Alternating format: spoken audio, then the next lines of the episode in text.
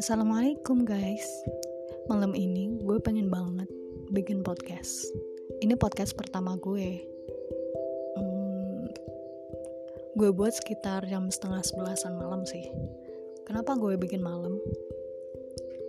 Karena gue cuma punya waktu itu. Ya bisa dibilang Mahmud-mahmud kayak gue Mama muda gitu. Punya waktunya malam free-nya. Apalagi punya bayi kan punya bayi udah waktunya dia tidur malam enak aja gitu kan bisa mengerjakan hal yang lain. Kenapa gue bikin podcast? Karena gue pengen membagi cerita sama kalian. Gue itu seneng ngomong seneng ngobrol. Kalau ngomong tuh udah udah ngeliat jam deh. Udah sampai berapa jam aja kadang lupa